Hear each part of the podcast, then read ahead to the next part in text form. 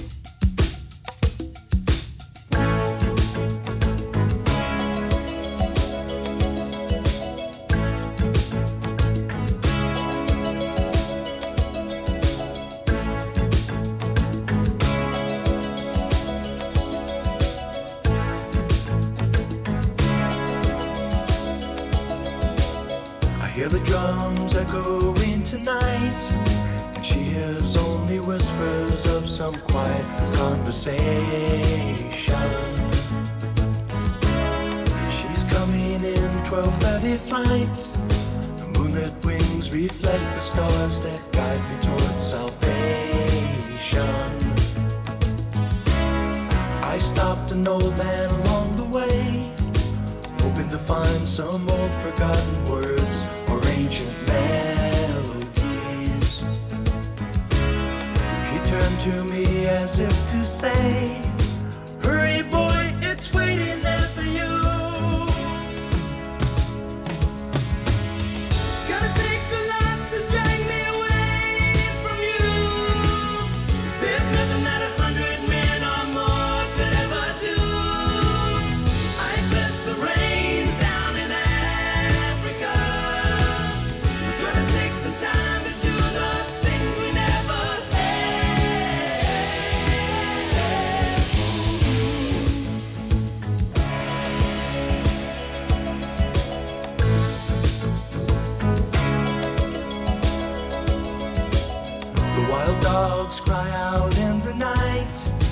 they grow restless, longing for some solitary company.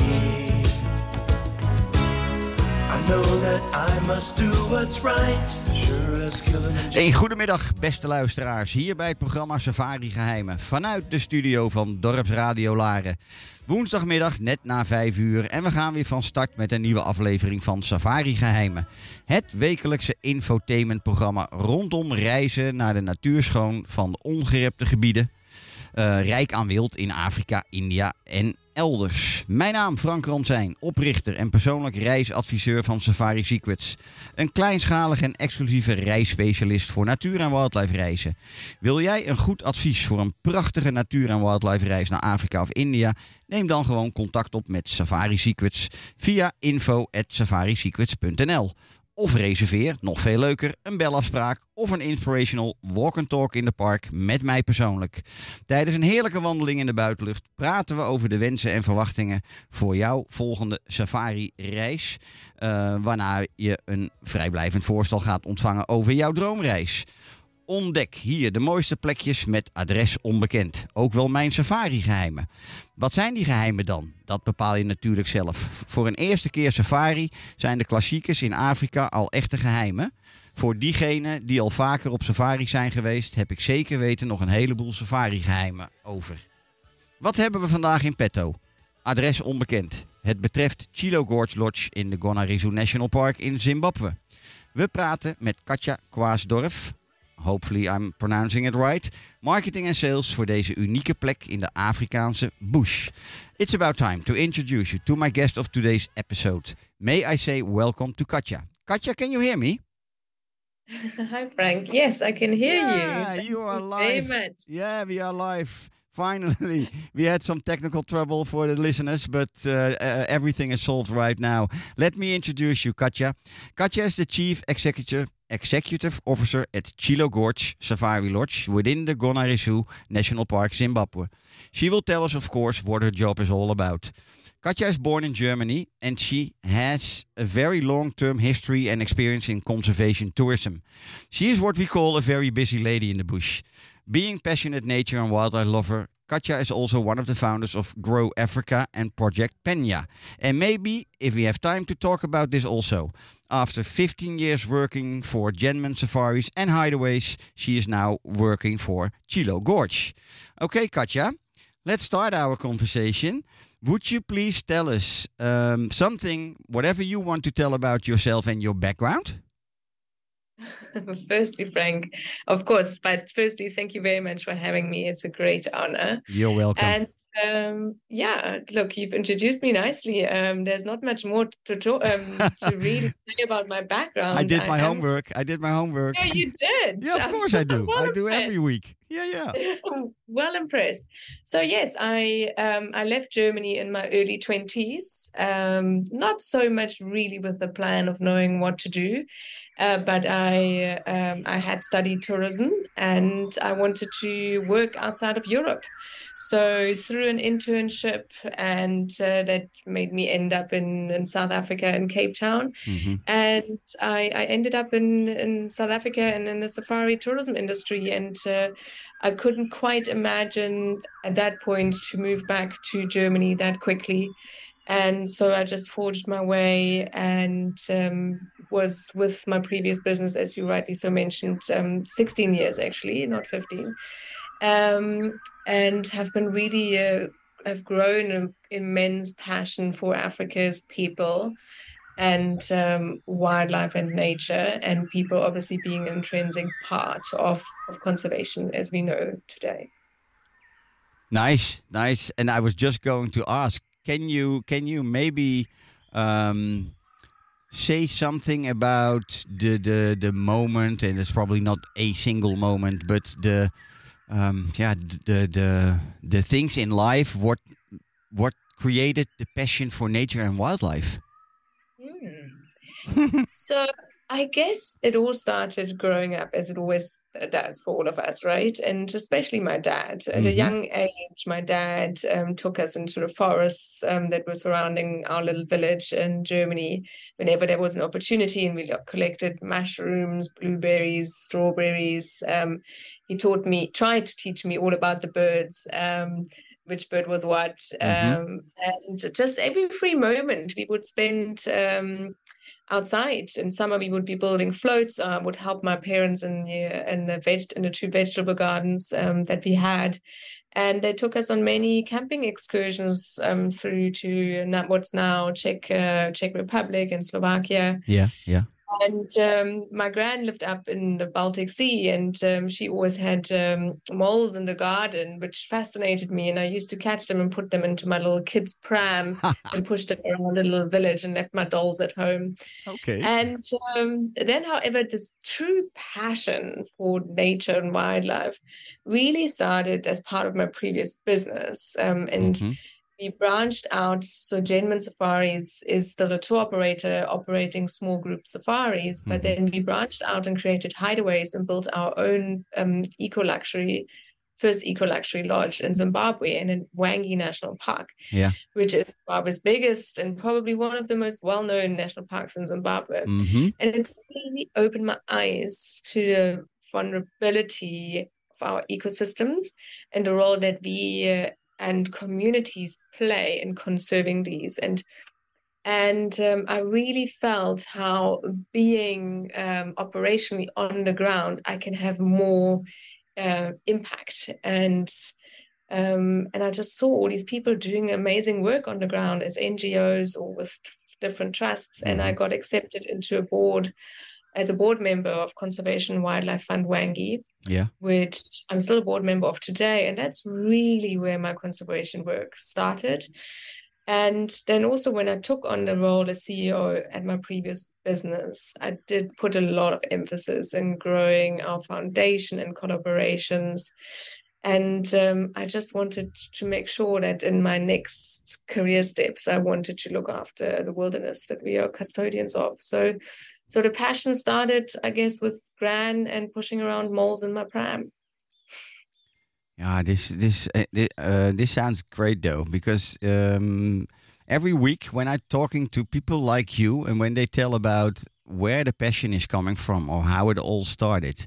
Um, it's wonderful to hear all those different stories, but at the other hand, they most of the time have one mutual thing. Um, that there is no way you can't you can't um, fell in love of nature and wildlife if you're in the midst of it and if you're working there or being there every every single day um, so wonderful um, i have to admit i didn't do my work uh, my homework uh, 100% well because i wasn't i wasn't uh, aware of that hideaways was in Hwange national park mm. probably very stupid of me uh, and now you're telling me, oh, I said, oh yeah, of course, I do know, but I uh, no, I wasn't aware of it. Um, nowadays, you're working for Chilo Gorge Lodge and Tented Camp, and and now we will we will talk about that as much as possible, um, which is in a total different area of Zimbabwe. I think it would be great to tell everybody who is listening now or later on uh, in the podcast to give us a little bit of uh, situation of the Gonarezhou Park, where it actually is and how remote it is and how. Uh, can, you can you give us a little bit of a description where we found where do we where do we find Gonarezhou? Yes, of course. So we find Gonarezhou in the southeastern corner um, of Zimbabwe. Mm-hmm. It's bordering, so it's in southern Africa. It's bordering uh, Mozambique and South Africa, mm-hmm. and it actually um, forms a transfrontier national park. Um, with uh, part of it being the Kruger National Park and then the Limpopo National Park in, mm-hmm. in Mozambique. Yeah. And a transfrontier national park, for listeners that may be new to this, basically means that and that there's a national park without borders. So because right now the national park stretches into South Africa, Mozambique, and um, and Zimbabwe. And if you look at the map of Zimbabwe, most of the tourism activity at present actually happens in um, in the northwestern part of the country, where we find Victoria Falls, Hwange National Park, Lake Kariba, and Mana Pools for um, for our safari goers. Mm-hmm. And um, and Gonarezhou is literally directly diagonal, diagonally opposite um, to the to the southeast of the country. Yeah. So a very remote corner it, however, is Zimbabwe's second biggest national park, straight after Hwange, with 5,000 square kilometers. Yeah, I was just going to say, uh, we are not talking about a small area. Eh? It's a huge, huge nature reserve, um, and it's probably one of the most remote areas uh, you can you can go to uh, nowadays in Safari Africa. Um, there's also a lot of history um, behind this whole transfrontier park. Can you can you tell us something about that?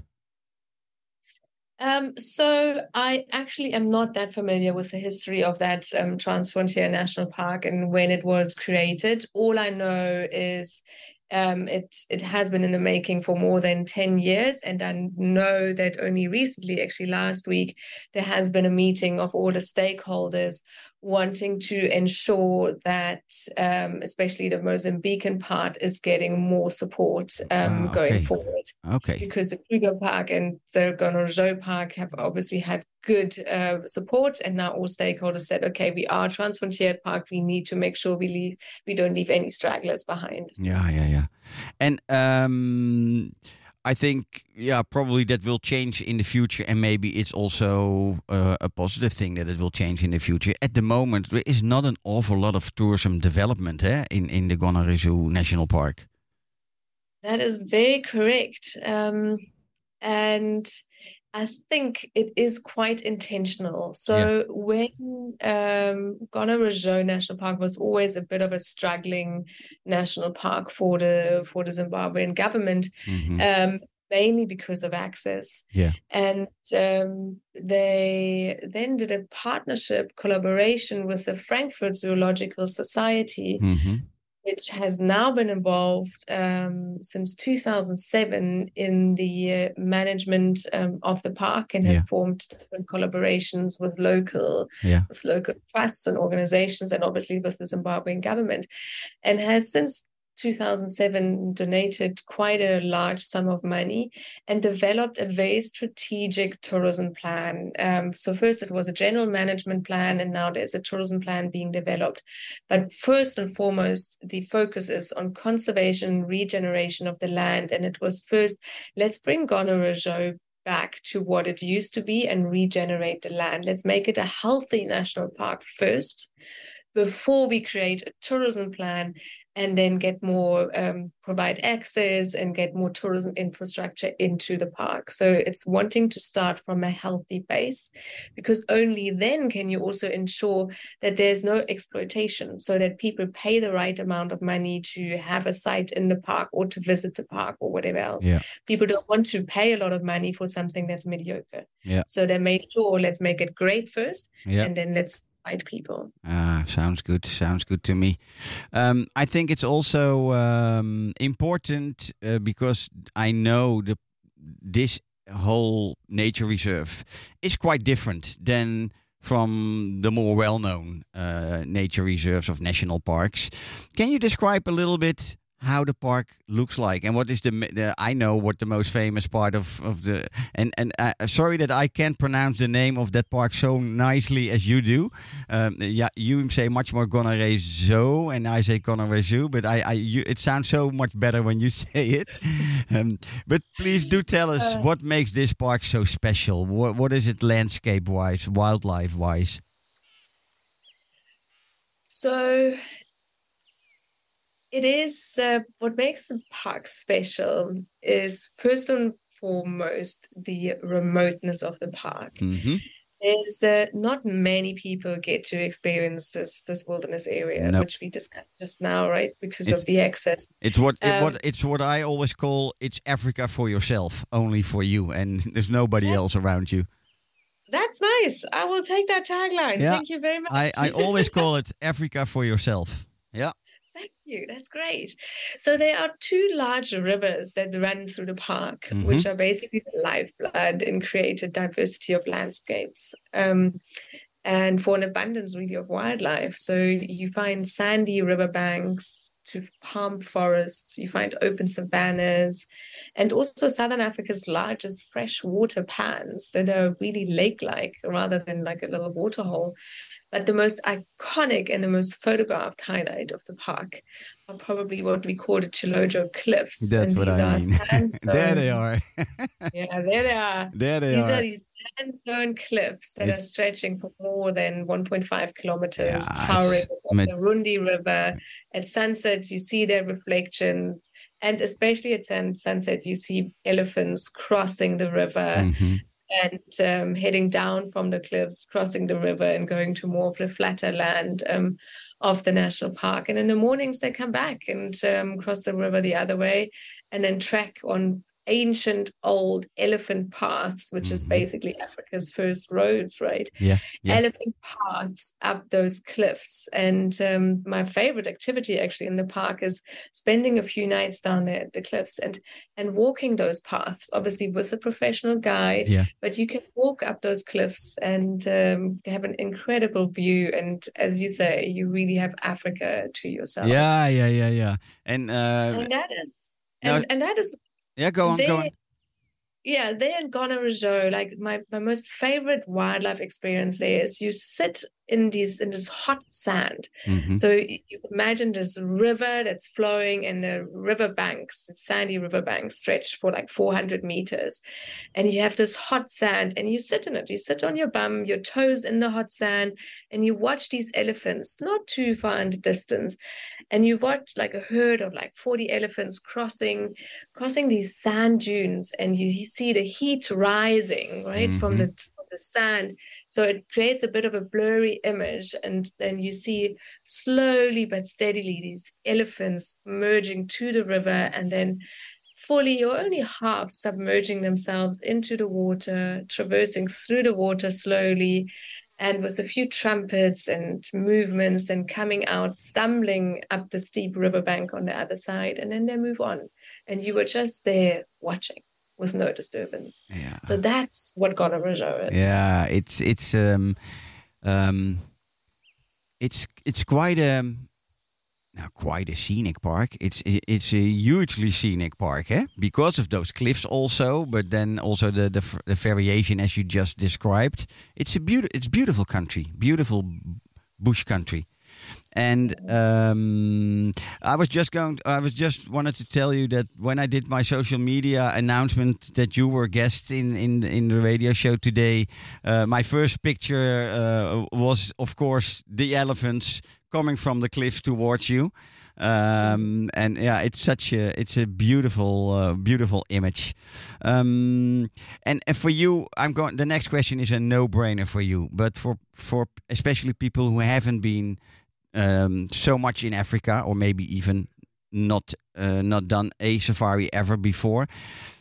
Can you tell us what makes the park different than the Kruger National Park or the Serengeti in the Mara? I, I know for you that's again it's a no-brainer, but to to yeah highlight exactly what makes it different than others.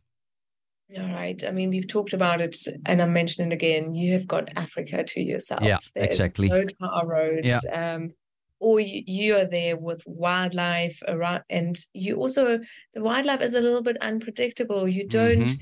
you know, you watch and you see reactions and actions, and um, it's not the story is not written. Every single morning you wake up and you don't know what's going to happen, and you really immerse yourself in in the wildlife's home, you're not you're not just a visitor you you really it's really immersive as yeah. you're there and it's it's curiosity that brings you through through the day and it is really a, a, last wilderness and and there's one thing that makes this park special, and I know I'm punting a little bit the conservation success story here, but it is incredible. There are not many wild spaces in Southern Africa that are in better shape today than they were 15 years ago.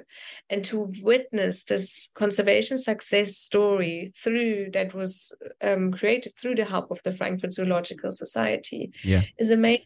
I mean, the last, um, the, the black rhino was extinct in the park, I think in 94, if I'm not mistaken. The last black rhino was shot in Gonarezhou in 1994. In 2021, we have successfully reintroduced 23 black rhinos, and we now have a count of 28 black rhinos in the park. Oh, wow. That is an, a huge, yeah. a huge success. Yeah. And, um, and yeah, go on, go on. And it's um, you know it's it's it's just the the real sense of remoteness and being part of an impactful story you know when you visit the park your park fees they go into conservation into mm. nothing yeah else. yeah and and and that's good that and that's what people should talk about they should talk about oh you know what impact did my holiday make exactly tell everyone exactly yeah. That's why I called my company Safari Secrets Nature Conservation Travel. It's just mm. traveling Africa with leaving a positive impact. Uh, and that will help us for uh, a more healthy planet, future, future planet, hopefully. Um, then. Um, let, us talk about the lodge, Chilo Gorge Lodge. Am I right if Clive Stockhill is the founder of the lodge? Yeah. yeah. So he is. Um, he was basically the first um, who really got involved in Chilo Gorge Safari Lodge. Um, and he he was the one who put it on the map and and most importantly he was the one who revived it after tourism was basically came to a standstill mm-hmm. in the early 2000s late 90s in zimbabwe he was the one who revived it in 2012 by going out there and saying i'm ha- i have this vision i want to support the community here we need opportunities in employment and he found new investors so now it's a it's a group of shareholders of five friends um, including Clive Clive, Stockhill, yeah. yeah. who have invested in this property and into the project and in the vision of this of the lodge and of this national park. Yeah. And um, Clive was also the first one who introduced campfire. Can you tell us what campfire actually means? The campfire um, project? So, yes, so camp, a campfire project is actually a concept that was born in the 80s. And um, that concept basically in a, in a nutshell um, is to ensure the sustainable use of natural resources for the benefit of the community mm-hmm. because what we must never forget is we can do wildlife conservation and nature conservation but when we forget that people tribes communities live in these areas we are losing we need to combine it all. And um, so that's where the campfire concept was born, which means let's use these natural resources sustainably, but we must always make sure that the community benefits from the use exactly. of, of their land, essentially. Yeah and um, our community which is the Mahenye community yeah. um, is the one that that does benefit um, from this and when they receive the first benefits um, from this uh, private public community partnership which mm-hmm. Chilo Lodge has created mm-hmm. the first thing they did is build um, a school because up until then um, they had a tree where they had stripped the bark, had painted um, that part of the tree green, and that was their blackboard. And the pupils sat outside underneath the tree, and that's where that got taught. Yeah. So from the first payout, um, they actually went ahead and built themselves the first um, school building. Yeah. And today we've got four school buildings, we mm-hmm. a primary and a secondary school. So there's a lot of um, progress in that regard. Are you are you personally yourself also included in in this type of work around the lodge, or are you too busy with the lodge itself? Or it's all encompassing. So. uh, we uh, yes i obviously look after the operations i look after the financial health and the product and business development of the of this but as i mentioned we are private public community partnerships so community is a very very important part yeah. Um, yeah. of my role whether it's i mean 95% of our staff come come from the yeah. community yeah. and the other 5% and that's me included or not yeah, so it's not that excluding management um, so community what I do is community work basically on a daily on a daily level and from and there's obviously other projects we do um, you know one of the shareholders um, is uh, is running a scholarship program and he personally makes sure he gets fund raises funds and donations to um, send different kids through school and then place them within Chilo into an internship program we uh, um, we um, hire obviously guides from the community. I mean, mm-hmm. one of our best guides came to us. He never finished school, but he came to us as an intern and worked behind the bar. Yeah, and that was 2018, and now it's 2023, and he's one of our uh, best ah, guides. Wonderful. Pro guide. Yeah, wonderful. And these stories is what you create every day when you work in a place like yeah, this. Yeah. And beside all the community work, um, are you guys also involved in the much more conservation work, the wildlife conservation, or is that all up to the Frankfurt Zoological Society? So, no, that's also um, part of what we do. Um, so, interestingly enough, the community actually gave up part of their land that they were given when they were moved back in the 80s, when they were moved outside outside of the boundaries of um, of Gonarezhou National Park, they were allocated land.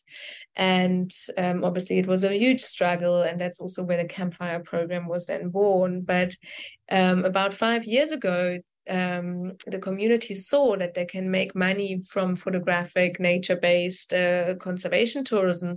Mm-hmm. And they've decided to give up um, 4,000 hectares of their cattle grazing land yeah. and convert it into a conservancy and uh, we now support that conservancy obviously with uh, with conservation levies that we pay but also support the anti anti poaching units um, our guides always get involved in human wildlife conflicts, uh, problem animal control, as we also call it. Um, so yes, on so especially on our conservancy, um, we do get involved in, in conservation work. Um, however, the conservation work inside Gono National Park is fully handled by yeah, yeah, yeah, yeah. Um, by the collaboration of Zim Parks and Frankfurt yeah, Zoological. Yeah, Society. yeah, clear.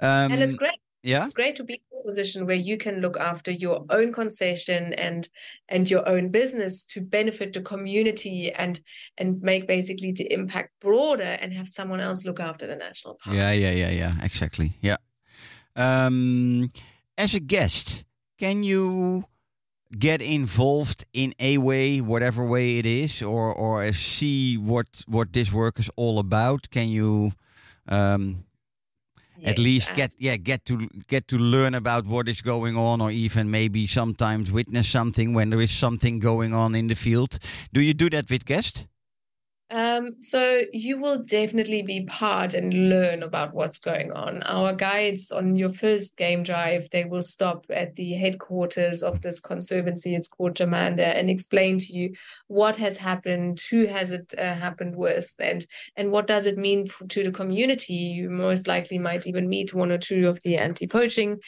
um, scouts that are in the area and um, generally if you are if you are keen in the community engagement there's endless ways of you to get yeah. uh, to to come on board our, our, head gardener loves taking our guests to his own homestead gets his wives to cook for for them and give uh, our guests like an educational what does my life look like outside of chilo um, so that's our community experience that we offer. But it's it's his idea. He runs with it. Um, all we did is we built a toilet um, so that during the three hours that guests also can can use a can use a toilet um, during that uh, excursion. But definitely your involvement or your learning uh, stay at Chilo will always be in, involving learning in terms of conservation yeah. community. And and would you do that also when it's a um, when it's a wildlife kind of thing like it happened to me when i was in kenya at, one certain moment in a certain lodge and there was uh, an elephant speared by a Maasai and they had to um, uh, uh, uh get to that elephant to uh, despear it and we as guests we were just joining in and because it was just happening and they say okay jump in and we can uh, you can we had to stay from a distance which I totally understand but those kind of things when when that happened do you take guests in there or not at all? No, we, we generally don't do that. No. no. Um, so, yeah, there's no, we better be clear about that because uh, no, no, no. It's, people and, and, people do ask for it nowadays. Eh? If can we yeah. can we share something where when, when a lion needs to be collared or nah, all those kind of things. You you know what I mean. Uh, but it's no, good to. Not, no, because it's day to day work. Yeah. Um, we yeah. don't um, we don't involve guests. No, no, okay, okay. Um, I always say Chilo Gorge Safari Lodge is more than one lodge. Uh, and please do tell us what it is more than that lodge, because I know there is also the tented camp and there's also the walking trail. Can you just explain us a little bit about the whole operation of Chilo? Yeah, of course. Yeah, so operation as in the different the different type of of uh, accommodation and what people yes. can expect from that yeah so the, the the main lodge Chilo Gorge safari lodge consists of 10 luxury uh, suites as we like to call them um, or chalets all overlooking the river with beautiful large balconies um, so you really immerse yourself into this scenic beauty um, but because we want to make sure our guests can explore different areas of the park, being one of the only tourism providers or travel providers in the park. We have developed some other um, products. So we take our guests to a tented camp in the national park in Gonarezhou. It's a uh, it's a six it has six tents, uh, very small exclusive tented camp, ensuite bathrooms, and that we operate that in conjunction with the management of the national park. Mm-hmm. Or we take our guests really adventurous, what we call fly camping. And fly camping means it doesn't mean that you fly from A to B, it means that we set up the campsite wherever our guests' um, biggest interests are, whether you would like to be closer located to where the rhinos are, or on a riverbed, or down by the Chilojo cliffs. You will have your own um, tent with two stretcher beds and mattresses and bedding. We set up toilets and shower, and then you'll have your own guide, your own chef. And it's very exclusive. We run from two to six guests. Um, and you can exclusively adventure and with a lot of adventure explore the national park in that way. And because of that, we often have guests staying anything between four and seven days, really taking um, um taking in all the different areas and yeah. pockets of the yeah. market. Yeah. I think fly camping is the best. it's uh, maybe the the, the most uh, getting back to nature and, and a little bit more basic, but I think people has to do it first, and they will most of the time say that was the highlight. That's how it works. Instead, totally, it always is like that. Yeah, yeah. Instead of the more luxury uh, uh, lodge type of um, uh, rooms they are they have been in. Yeah, yeah. I. Um, it's amazing how you get into it. Like from day two, like the first day you're still cautious, and then on day two you have guests now walking walking barefoot yeah. and really getting just into the whole being outside. So, but it, it's quick. Like the first day is the it's caution, and then um, as we say, caution being thrown out of the window. Yeah, they just... get accustomed very, very quickly, I think. Eh? Yeah, and I also love the way of the, the fact that you say we have guests for four to seven nights.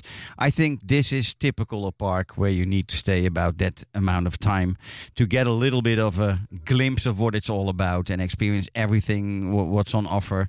Uh, eh, it, it, I always tell my clients, slow travel is also the future.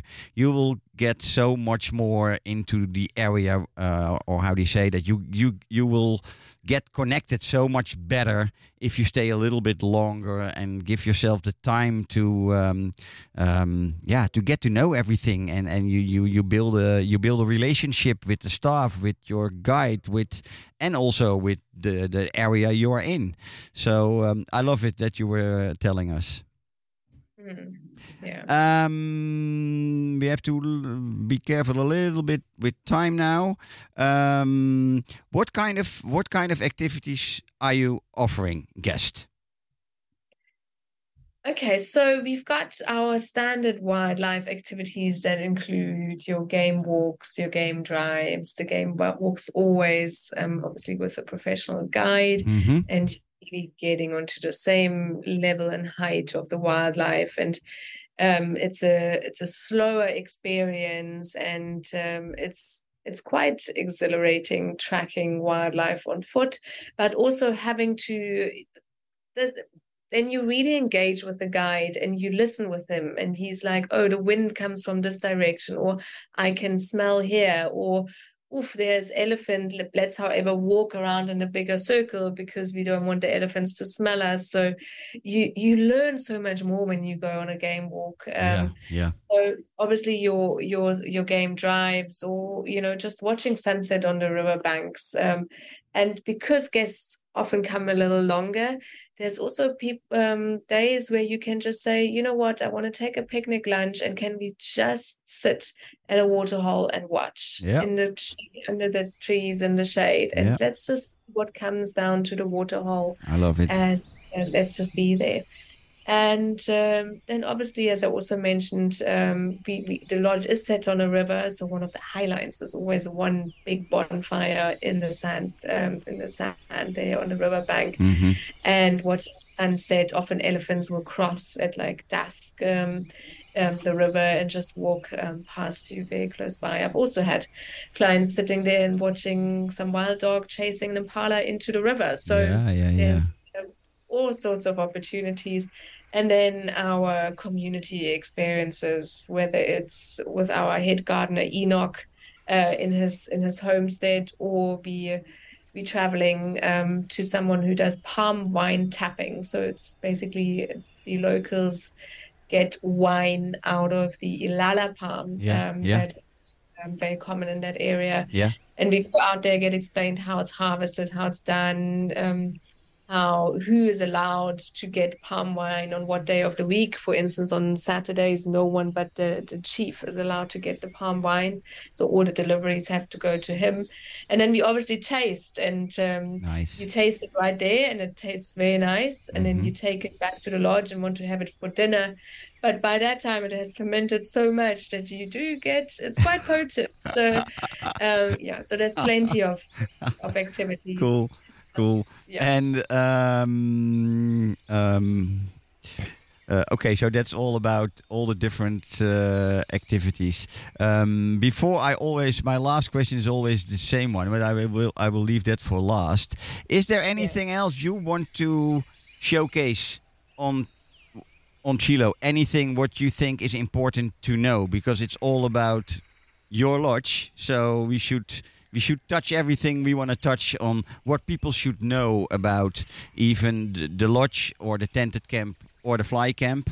Uh, anything we missed, what we didn't talk about yet? Um, Frank, you know what? I think you've given guests a great overview of, of what's on offer and why to travel to Gonarezhou. Um, maybe just an idea of, you know, people don't just come to Gonarezhou. What would you combine it with? Yeah, that's uh, a good one. Um, yeah. So, um, that's a question I often get asked and said. So generally, Gonarezhou is part of a larger Zimbabwe itinerary, mm-hmm. and I would highly recommend combining it with uh, with Mana Pools, yeah, or even uh, Matopos uh, yeah. National Park, which yeah. is a little more off the beaten track but um, and then you can com- can combine other areas of of Zimbabwe around that, depending on which route you're going.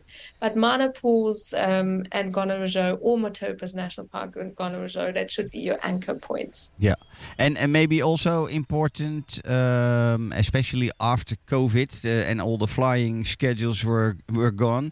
How do you get to your to your lodge? What What is the most convenient way at the moment? Just flying from Victoria Falls or from some? Um, so the most convenient way is actually from Johannesburg. There is a flight to a nearby airstrip, international airstrip, twice a week on Mondays and Thursdays. What's that? What's um, that airstrip called? The airstrip's called Buffalo Range. Ah, Buffalo Range. Yeah, I, yeah, I know. But, uh, I was I forgot it. So okay, so Joburg Buffalo Range. That's the most yeah. convenient one yeah. Most convenient, or flying internationally into Harare and then hopping on a short charter yeah, flight. Yeah, yeah, okay. Yeah. hour and a half down to the lodge. Yeah, because yeah. when you drive a self drive car from Harare, I think we are talking about seven, eight hours or even more. That's seven hours. Yeah, yeah. okay. okay. Okay. Good. Um, last but not least, I always ask my guests if he or she wants to share a memorable story or event or whatever you have witnessed in your long lifetime in the bush can be from a community point of view can be anything can be wildlife i'm not o- only looking always for the lion lion kills etc um, is there a nice story you can share with us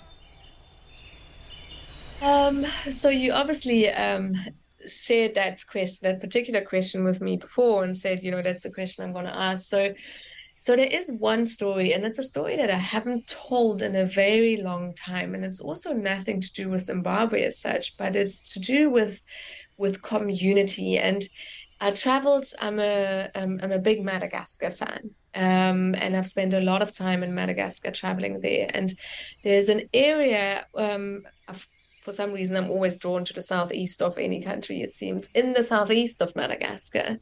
Um, and the, the, camp is called Mandrare River Camp. Um, mm-hmm. And it's also a very small camp. Um, and it's also on a on a riverbed, um, as it says. And one morning I'm waking up and I'm across the riverbed. I see there's a lot of commotion going on, lots of locals down there. There's a, a goat squealing and lots of singing and jamming and loud singing and chanting. And I'm like, I go to my my guide. I'm like, finding my guide, and I said, "What is this?" Take out my binoculars and look, and I couldn't see it, but they were slaughtering the goat, and and I was like, "What's going on there?" And then he says to me, "No, Katja, the community they are practicing an exorcism there. There's someone who has epileptic fits, oh. and the oh. community believe that he's possessed, and yeah. that's what's happening." So you are really you're you're a visitor in this in this country totally different culture and um, which obviously i'm very respectful of and um, there you get to witness this right there and then you know this is not a tourist trap no this is really an operation that that embraces community, works with the community for all of us to protect um, our natural surroundings and our wildlife and um, I think maybe that was also one of the first times where I, where really where we say how we say the penny dropped and the importance of community in terms of our wildlife tourism. Wonderful. Wonderful that you share this with us. Um, Katja, may I really thank you for being guest today, uh, that you're taking the time to uh, have this conversation with me. Um, I really uh, love to hear uh, all, all, the stories around Chilo. I think it's one of the most spectacular places in Africa, and um, yeah, I, I hope to uh, convince my clients of Safari Secrets to um, to get there quick, as quick as possible. And uh, and I know it, it's not it's not for everybody, and especially maybe maybe not for first timers. Um, but at the other hand, uh, I will try and do my best to um, um yeah to put uh, Chilo Gorge Safari Lodge and everything around it in the spotlight. Thank you for uh, today's talk. We are going to play one song. And I talk to you later, Katja. Thanks, Frank. Thank, Thank you. So you. Have a nice evening. Thank you. Bye bye.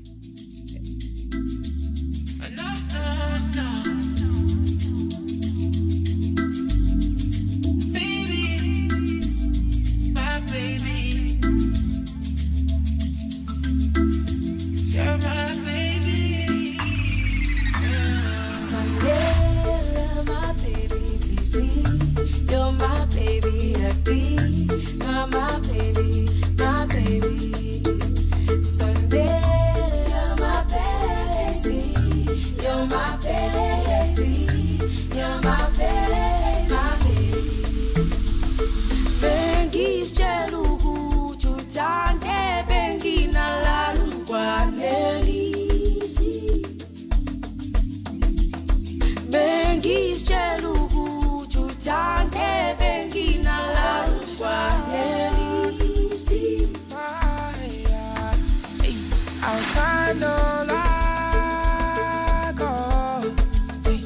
masitando lakọ.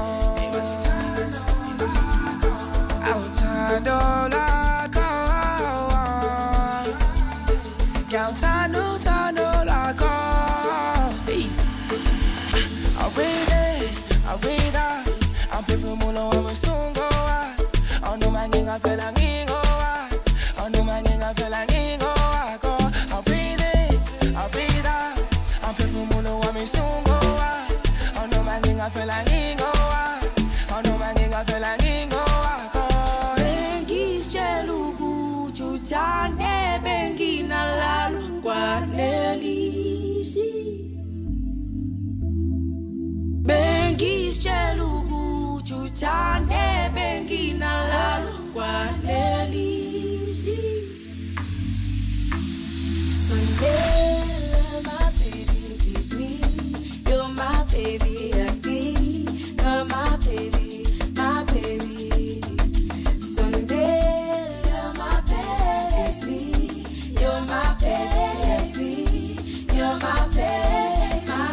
like this.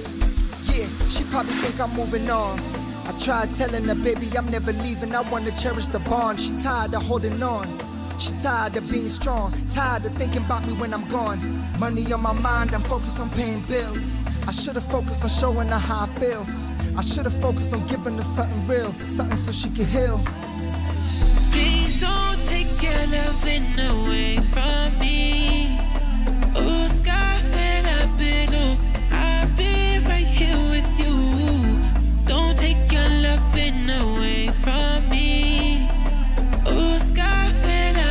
Goed, daar zijn we weer. Na het heerlijke stukje muziek van Sondela Botswana.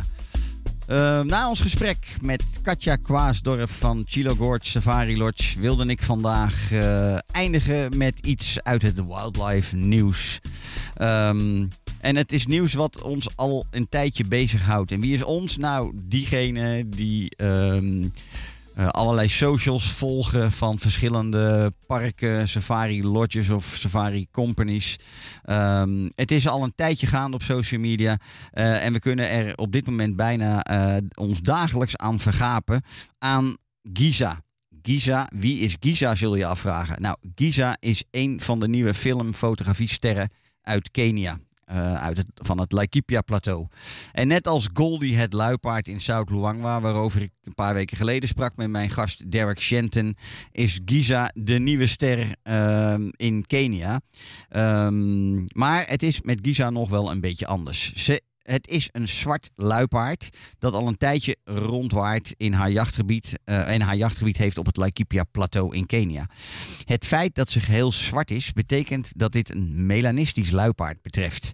Dan zul je weer denken, ja, wat is dat dan weer? Nou, een, eh, eh, melanistische katten, die kennen we vooral uit eigenlijk andere werelddelen. Komen veel vaker voor in, in India, maar ook in Zuid-Amerika. dan zijn het zwarte jaguars. Ehm, daar komt het gewoon vaker voor dan in Afrika. In Afrika komt dit ook eens in de zoveel jaar voor. En op dit moment eh, zijn er. Eh, Giza is er maar één. Dat is degene die op dit moment heel erg op social media uh, viral gaat. Maar er zijn op het Laikipia-plateau op dit moment zeven unieke verschillende zwarte luipaarden gezien. Waarvan ze er een stuk of vier regelmatig tegenkomen. Ehm, verspreid over grote, eh, grote gebieden. En ehm, een van die luipaarden heeft jongen gehad, eh, waarvan er ook weer een, één eh, of meerdere, dat weet ik niet eens helemaal zeker, ook weer melanistisch zijn. Ehm, dus de kans op het zien van een zwart luipaard als je op safari gaat, is fors toegenomen. Ehm, ze laat zich steeds vaker zien aan toeristen die haar leefgebied komen bezoeken. Eh, en dat heeft alles te maken met dat zij raakt steeds meer eh, gewend aan voertuigen. Um, hè, waardoor ze steeds meer relaxed is en dus ook steeds meer door gasten eh, gespot kan worden en geobserveerd kan worden. Nou, door deze social media hype over dat zwarte luipaard neemt de vraag toe voor reizen naar dit gebied. Ehm, en ik, ik, denk ook dat het safari-kamp waar dit zwarte eh, luipaard veel gezien wordt. Ehm, van een relatief niet zo heel bekend safari-kamp. inmiddels een extreem druk bezocht safarikamp is geworden. Eh, die zal niet klagen met het hebben van zo'n eh, resident zwart eh, luipaard in, in, in, in hun regio. Wat is, ehm, wat is melanisme eigenlijk? Nou, het is de wetenschappelijke term die wordt gebruikt om dieren te omschrijven die geheel zwart van kleur zijn, omdat ze te veel van het pigment melanine aanmaken. indien deze zwarte kleur eh, evolutionaire voordelen biedt aan, het, eh, aan de soort. Ehm, en er meerdere exemplaren verschijnen eh, die zich ook voort gaan planten. Dan kan een gehele ondersoort, of, of in ieder geval een bepaalde bloedlijn van deze ondersoort, melanistisch worden. Het is niet gezegd dat een zwart luipaard dus altijd ook melanistische, een zwarte uh, cups krijgt, kleintjes krijgt. Nou, wil je weten waar je kans maakt op het zien van dit zwarte luipaard? Neem dan natuurlijk contact op met Safari Secrets en we geven het geheim prijs. Eh, waar je dan kans maakt op het zien van dit majestueuze eh, dier. En natuurlijk, daar zijn geen garanties voor, maar de kansen worden steeds wat groter. Goed, deze wildlife weetjes vind ik ontzettend leuk om te delen met de luisteraars. En ik hoop dan ook dat, je interesse, dat ik je interesse wek om eh, of een eerste of gewoon weer een nieuwe safari-reis te gaan, gaan plannen. Waarbij jij als reiziger die beroemde positieve impact achterlaat. Ik zeg heel erg weer eh, bedankt voor het luisteren vandaag. Volgende week eh, zijn we er weer op dezelfde tijd. met een nieuwe uitzending en een nieuwe gast of nieuwe onderwerpen. Ehm, de podcast de, de Safari Geheim, het radioprogramma, is natuurlijk ook te beluisteren als podcastserie op Mijn Afrika, Mijn Wildlife.